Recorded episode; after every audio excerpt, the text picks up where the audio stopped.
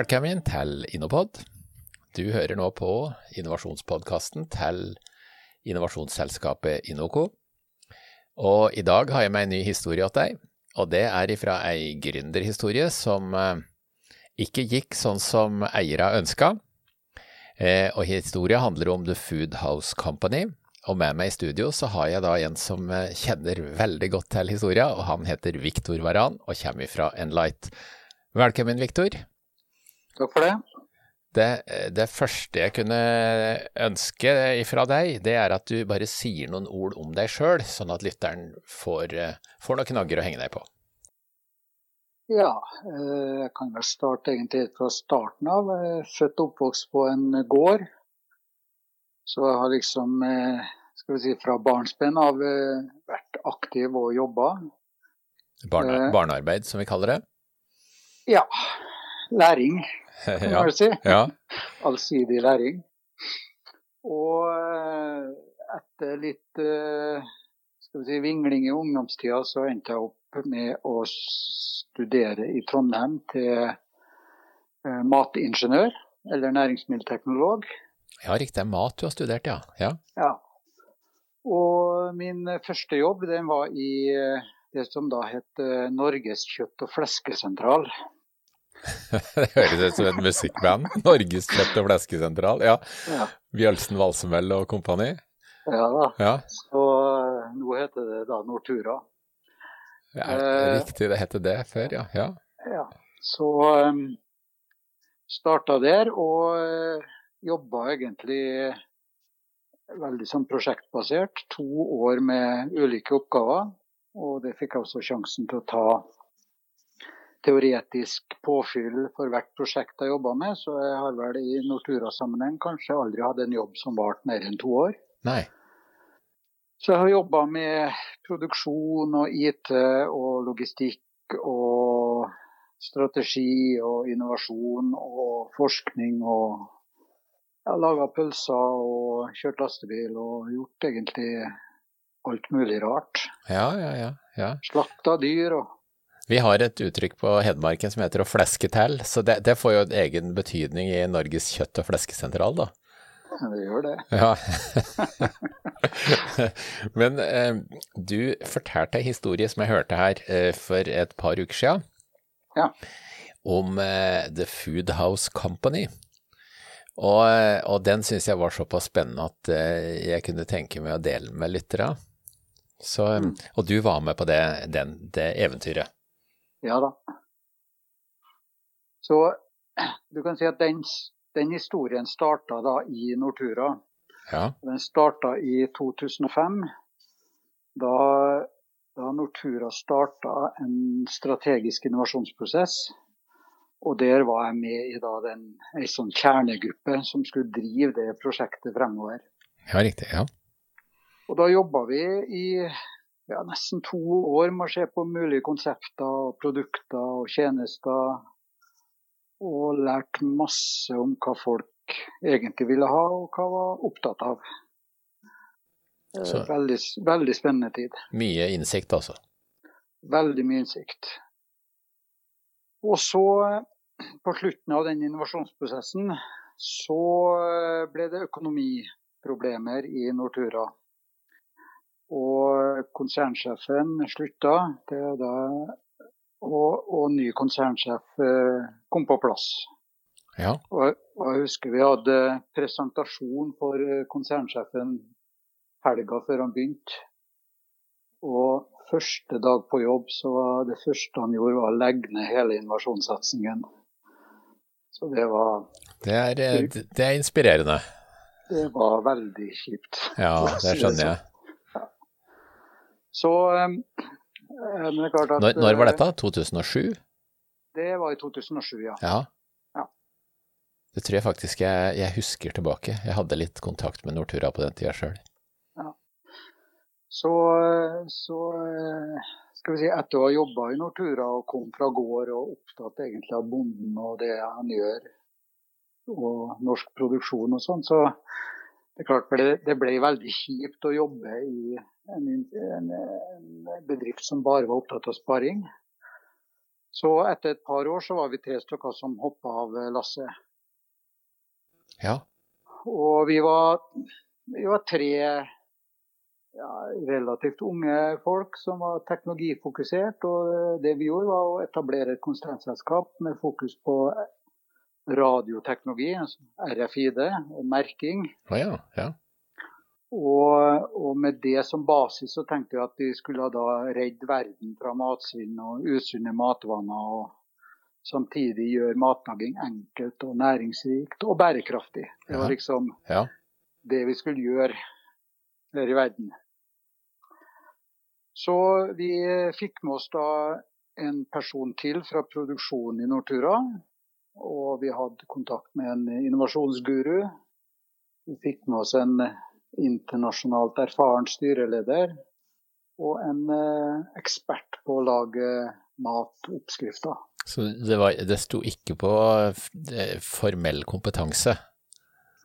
Nei, vi syntes jo at vi hadde det beste teamet som det gikk an å få. Ja. Og det utstyrt med all den innsikten eh, som vi hadde lært i Nortura, så mente vi at vi hadde, vi hadde svaret på de utfordringene her, da. Ja, ja. Og det var da å lage et abonnement på en matgave. Altså Dvs. Si gode råvarer akkurat nok til ett måltid for én person. Var det, var det, råvarer, eller var det ferdigproduserte retter? Nei, det var råvarer. Det skulle lages av personen sjøl med en veldig enkel oppskrift, og det skulle aldri ta mer enn 20 minutter å lage maten. Ok, ja, Så det var ikke noe sånn Fjordland-konkurrent dere lagde? Eh, med, nei, du, ja. nei, du, kan si at i dag så er vel det Adams matkasse og, og sånne ting det som er nærmest, egentlig. Ja, ja. Og så eh, skulle vi da velge ut uh, målgruppen for det her eh, prosjektet vi skulle i gang med. Og, og da fant vi ut at uh, i Trondheim så er det jo fryktelig veldig mange studenter. Det er jo 40 000 eller noe sånt. Ja, det kan nok stemme. Og, og det, da tenkte vi at det er jo dem som er vant med pizza og pils. Det må jo være dem som har mest behov for sunne og gode matvaner veldig tidlig.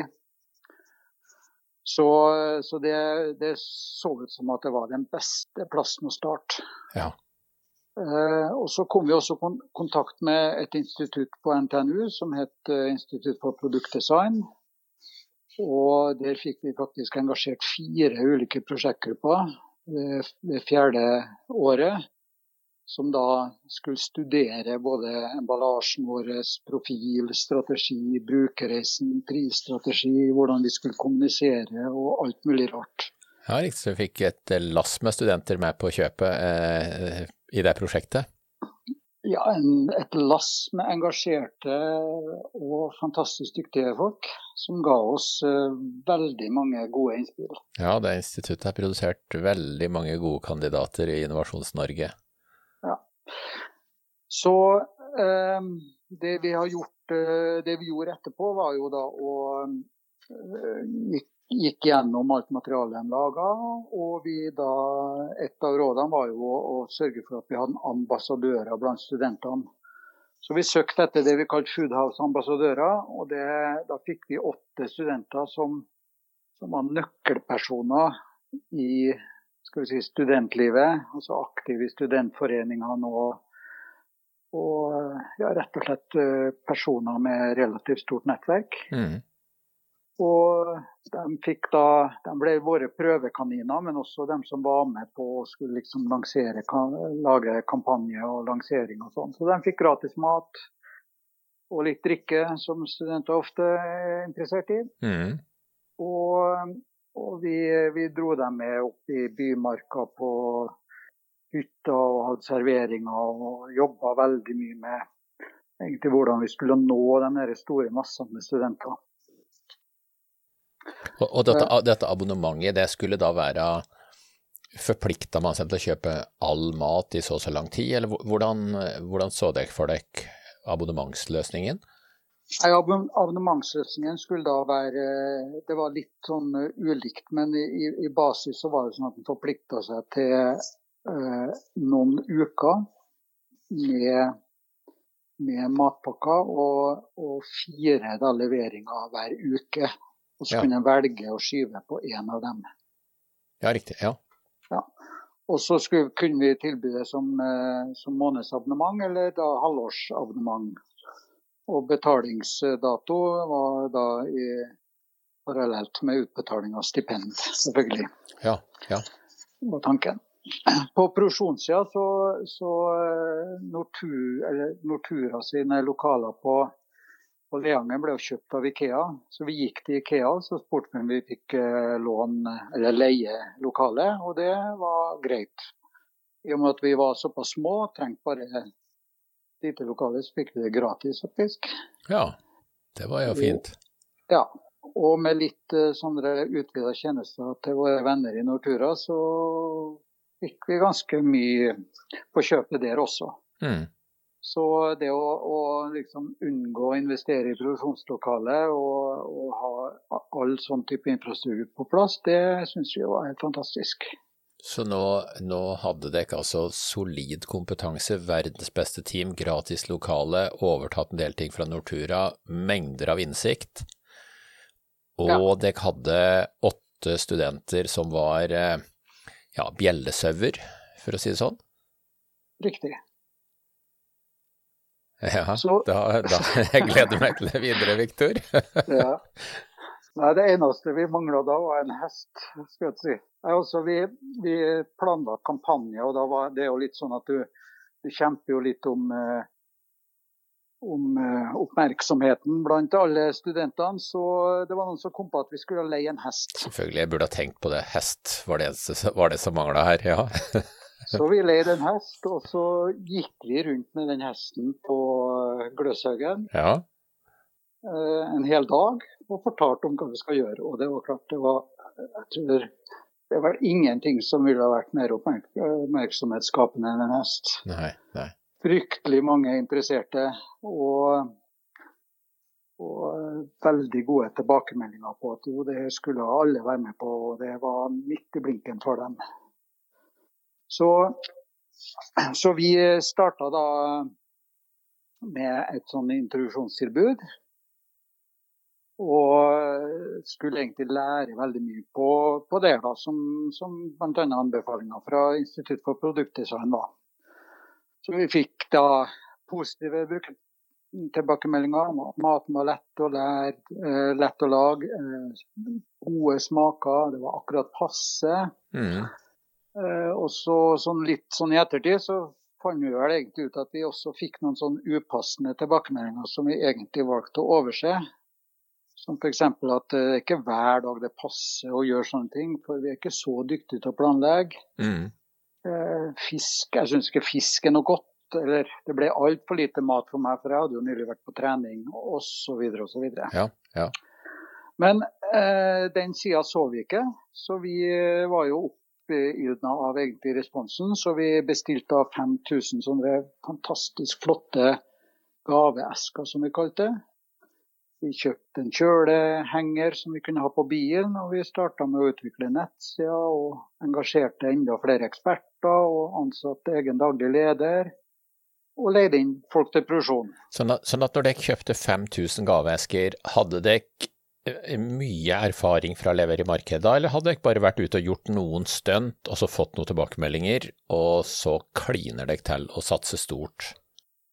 Ja, vi følte vel at vi hadde gjort alt rett. Og når eh, det liksom ikke kom noen sånne som vi la merke til, da, noen sånne skikkelige eh, motreaksjoner Noen sånne dere, dere ville legge merke til, kanskje? Ja, Eh, I og med at dere overså en del, en del ting? Så, så det, det var mer støy for oss i den perioden der. Ja, ja. Så vi følte at eh, nå var det bare å trykke til, rett og Men slett. hvis, hvis vi skulle sammenligne med gründeren som begynner i det små og leverer og leverer og leverer lite og lite og lite og litt mer og fortsatt lite og bitte litt mer og bitte litt mer og vokser på den måten, så vokste ikke det sånn som en graf går pent opp ifra null og stiger sakte, men dere dere gjorde noe, fikk positive tilbakemeldinger, og så klinte dere skikkelig til med 5000 gaveesker. Er det, er det riktig at dere gjorde på en måte et kjempebyks? Ja, det er riktig. Ja. Det var det vi gjorde. Ja. Så, så kan jeg si at vi, vi syns vel egentlig at vi, vi, hadde så mye på stell at risikoen var liten. Altså Logistikken og produksjonen var basert på at vi laga bare én matrett hver dag. Ja. Det, det, det det handla om var jo bare i produksjonssida, var jo å få antall riktige ingredienser i hver eske. Og kjøre til Gløshaugen og levere ut det mellom klokka tre og fem ja. hver dag. Så da, da, skulle studenten plukke det opp der, og så bære det med seg hjem og lage det hjemme? Ja. ja. Og forretningsmodellen skulle da være basert på som vi sa, litt forskuddsbasert abonnement, halvårlig eller månedsbasert. Og der de kunne velge noen leveransefrie uker eller dager. da. Så, så, hvis jeg, så, hvis jeg, hadde vært student og så tatt et månedsabonnement, da hadde jeg fått altså fem virkedager i løpet av uka, og så velger jeg bort ei uke, så da er det 15 matpakker i måneden f.eks. Noe sånn jeg ville Ja, eller fire per uke, ja. sånn som en vil ha. Ja. ja. Så eh, det var jo en del som ville prøve det, så vi hadde litt økende omsetning eh, i prøveperioden. Mm. Og så kom jo den dagen da, da liksom det skulle være full pris, og folk måtte signere og liksom tegne seg for en måned eller flere måneder, et halvt år. Ja. Og da skjedde jo ikke det. Nei. Dessverre. ja, Så det var, det var, redusert pris fram til nå? Ja, det var det. Ja. Det var ganske gunstig. Ja. Så, så eh, da var det litt eh, en antydning til krise. Så jeg tenkte hva, hva, var det her som skjedde nå? Og vi jobba sammen i teamet for å finne svar og hva vi skulle gjøre. Og vi fant vel ut at at det var såpass nytt, det her. Og at uh, de hadde egentlig ikke fått tid til å prøve det lenge nok. Så vi beslutta at vi skulle forlenge den tilbudsperioden. Mm. Sånn at uh, studentene fikk tid til å skjønne hvor bra det her var for dem, rett og slett. Ja, så ja, mer av det samme, egentlig. Ja, ja. Og det gikk heller ikke så bra? Nei, det gikk heller ikke så bra. Eh, det, det ble ikke så veldig mye mer. Det vil si at de som var på, de ville jo fortsette med en lav pris. Men det er klart, den prisen var jo altfor lav i forhold til eh, altså alle kostnader som, som en hadde med produksjon. Ja. ja.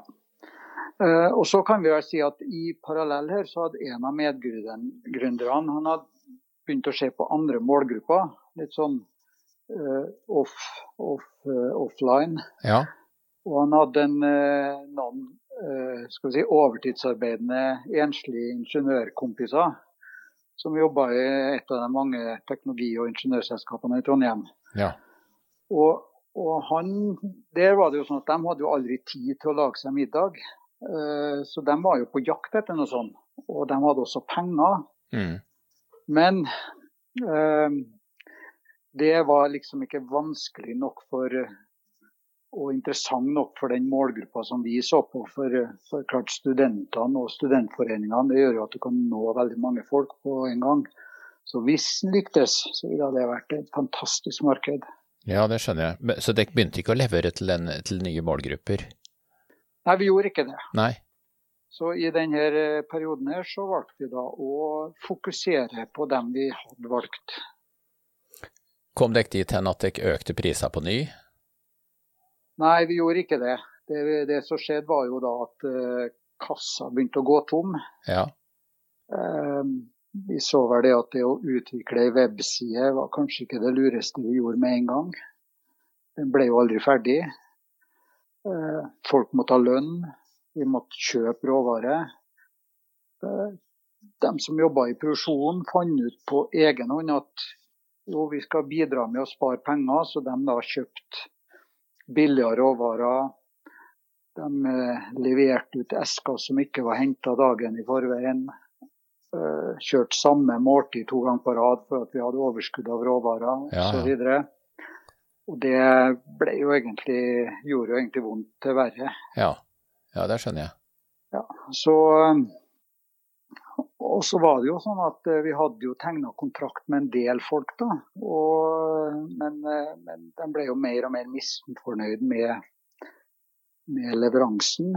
Og daglig leder da ble da veldig opphengt i å prøve å kreve inn penger for den prøveperioden og mas på dem som ikke henta maten sin og alt sånn. Ja. Så det ble egentlig en sånn veldig negativ spiral. Ja, så dek, det, det gikk dekk var skikkelig utoverbakke, dekk på, på mange, mange fronter her nå? Ja, det ble ordentlig krise. Ja. Og, og da ble den egentlig bare enda mer Man fikk enda sterkere skylapper og så enda mer på akkurat at alt han har bestemt, var rett. Ja, så, riktig. så her ble det egentlig feil med kundene til slutt. Og, og så stoppa det til slutt, da? da ja, vi holdt på, vi greide å holde det gående i et halvt år. Og da var det, da var det kroken på døra. Vi hadde brukt opp alle pengene vi hadde satt av. Og nesten ingen ville fortsette å være kunde. Hvor mange kunder hadde dere på det meste? Ja, vi hadde 40 samtidige kunder. Når jeg har summert sammen alt. Ja, Og, og, og hvor mange eh, var planen å få? Nei, vi hadde en ambisjon av at i løpet av første året så skulle vi ha 12 000 studenter. Og, og det, det dere opplever der, er nok det mange gründere opplever òg. Eh, bare vi får 1% av markedet, så skal vi gjøre det knallbra, eh, osv. Så, videre. så jeg tror det er mange som har satt seg sånne typer mål.